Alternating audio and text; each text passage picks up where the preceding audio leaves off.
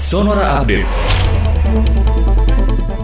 Sahabat Sonora, pasien yang terjangkit COVID-19 di Indonesia hingga saat ini masih terus bertambah meski pandemi telah berjalan lebih dari setahun.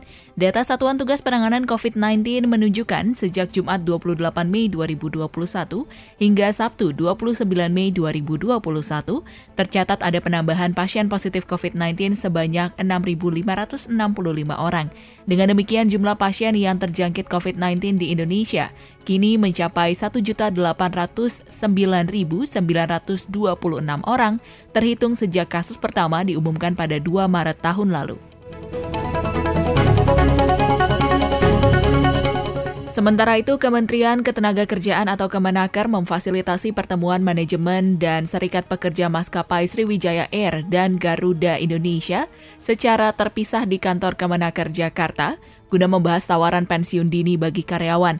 Pertemuan digelar terkait nasib pekerja dua maskapai penerbangan yang akan melakukan opsi resign dan pensiun dini lantaran kondisi perusahaan mengalami penurunan jumlah penumpang penerbangan. Sekretaris Jenderal Kemenaker Anwar Sanusi mengatakan pihaknya mendorong manajemen maskapai penerbangan Garuda dan Sriwijaya Air agar melakukan berbagai upaya untuk meminimalkan terjadinya pemutusan hubungan kerja atau PHK.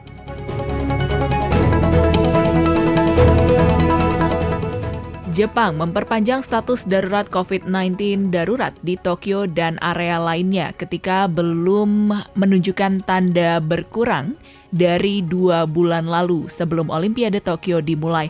Langkah itu melanjutkan Pembatasan dari 31 Mei menjadi 20 Juni karena negara melihat jumlah pasien COVID-19 yang masih tinggi dalam beberapa hari terakhir dan rumah sakit yang kewalahan.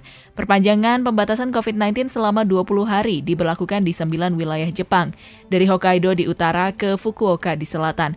Sementara itu, area ke-10 di Prefektur Pulau Selatan Okinawa saat ini sudah dalam status darurat COVID-19 hingga 20 Juni. Penyelenggara Olimpiade Tokyo sedang memutuskan apakah selama masa itu akan mengizinkan penonton domestik untuk datang setelah penggemar luar negeri dilarang datang sejak beberapa bulan lalu. Demikian Sonora Update.